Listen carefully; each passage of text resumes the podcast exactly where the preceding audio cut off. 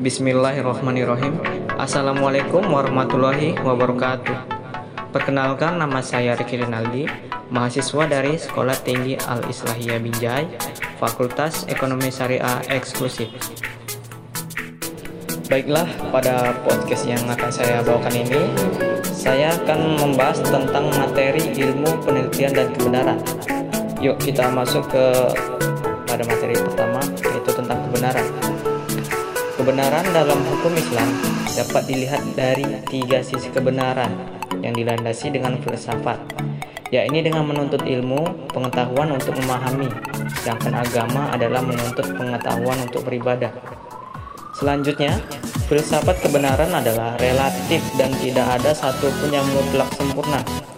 Jika suatu masalah tidak terjawab oleh ilmu pengetahuan, maka filsafat pun terdiam atau memberikan jawaban dugaan spekulasi, terakan, sangkaan, dan perkiraan.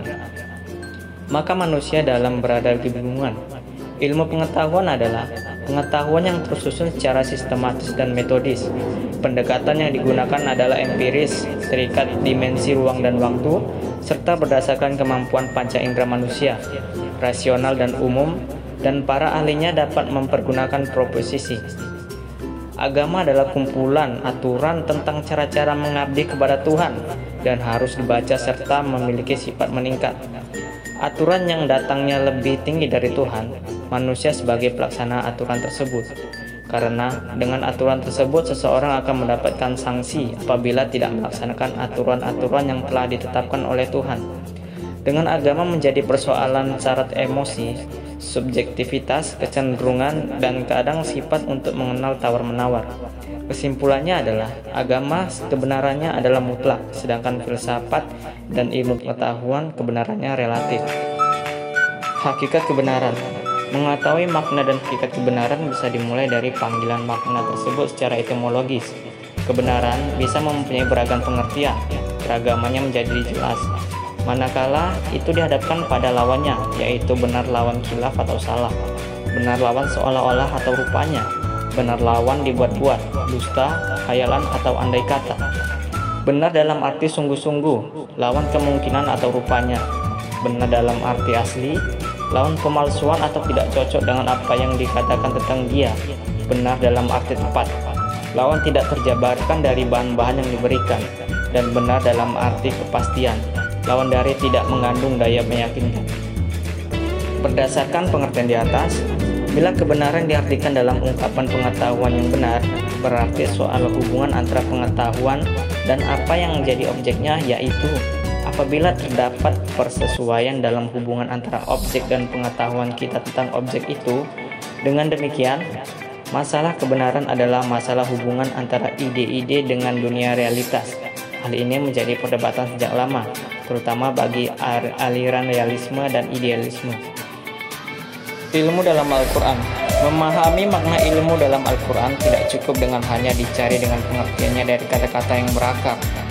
Sebab beberapa kata yang digunakan Al-Quran juga banyak bermakna tahu, seperti Arafah, Darah, Kabarah, Syarah, Ya'isha, Ankara, Basira, dan Hakim. Kata-kata yang berasal dari Arafah disebut sebanyak 34 kali di dalam Al-Quran. Al-Syafani memberikan pengertian ma'rifah sebagai pengetahui sesuatu melalui proses berpikir dan memikirkan alam. Ia merupakan bagian dari pengertian ilmu yang berlawanan dengan ingkar.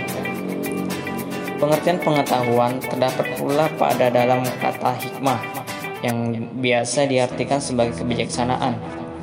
Al-Syafani menganggap istilah hikmah sebagai sesuai diartikan ilmu praktis bukan ilmu teoritis.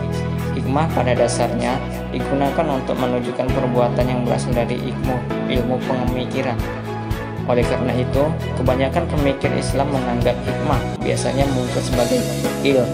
Misalnya Quran Surat Al-Baqarah ayat 2, 269. Berdasarkan beberapa penjelasan tentang ilmu dalam Al-Quran di atas, dapat disimpulkan bahwa pengetahuan tentang sesuatu yang belum diketahui dalam bidang apa pun dengan cara memikirkan, mengalami, dan melalui wahyu adalah masuk dalam lingkup ilmu. Sumber dan perangkat pengetahuan Semua pengetahuan pada dasarnya mempunyai tiga landasan yang dapat membedakan antara satu jenis pengetahuan dengan pengetahuan lainnya. ontologis, epistemologis, dan aksiologis. Ontologi berkaitan dengan objek yang dikaji oleh pengetahuan, hubungan antara objek pengetahuan dengan daya tangkap manusia yang menghasilkan pengetahuan. Epistemologi berhubungan dengan proses metode mendapatkan pengetahuan yang benar, kriteria, cara, atau teknik sarana membantu dalam mendapatkan pengetahuan. Sedangkan psikologi berkaitan dengan kegunaan pengetahuan, kaitan antara cara penggunaan pengetahuan dengan kaidah-kaidah moral, kaitannya antara teknik prosedural dengan metode ilmiah dengan norma-norma moral atau profesional. Permasalahan pokok dalam sejarah pengetahuan dari ketiga landasan tersebut menurut J.F. Fourier adalah masalah sumber pengetahuan dan masalah berlaku untuk benarnya pengetahuan. Dalam kasana filsafat ilmu, Sumber pengetahuan yang pokok bagi manusia adalah rasio dan pengalaman di samping intuisi dan wahyu.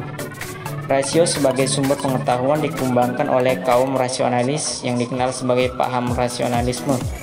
Dalam menyusun pengetahuan, kaum rasionalis menggunakan metode deduktif, yaitu cara berpikir dari mana pernyataan bersifat untuk ditarik kesimpulan yang bersifat khusus. Premis yang dipakai dalam penalarannya didapatkan dari ide yang menurut anggapannya jelas dan dapat diterima. Ide itu sendiri bagi kaum rasionalis bersifat a priori dan pengalaman yang ditetapkan manusia melalui penalaran nasional. Dalam hal ini maka pemikiran rasional cenderung bersifat sosiologis atau hanya benar dalam kerangka pemikiran yang ada dalam benak orang yang berpikir. Menurut Bapak penelitian secara etimologi berarti mencari kembali. Penelitian pada dasarnya merupakan suatu upaya mencari, bukan sekedar mengamati dengan teliti terhadap suatu objek yang sudah terpegang di tangan. Terdapat berbagai upaya yang dapat dilakukan seseorang untuk mencari atau memperoleh pengetahuan. Pengetahuan dapat diperoleh dengan bertanya kepada orang lain yang dianggap lebih tahu tentang suatu hal. Bisa pula diperoleh dengan coba-coba, melalui akal sehat, intuisi, dan prasangka. Cara-cara tersebut tidak melalui penalaran sehingga disebut sebagai cara atau metode non ilmiah. Sementara pengetahuan yang diperoleh secara ilmiah adalah melalui cara-cara metode ilmiah. Mengetahui dunia alam. Secara trimologi, beberapa ahli memberikan definisi yang beragam.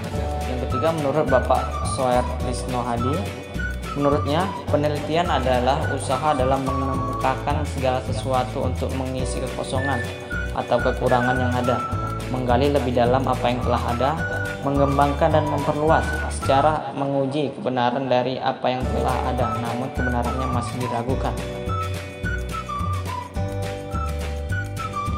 Baiklah, berikut tadi penjelasan tentang materi ilmu penelitian dan kemudaran.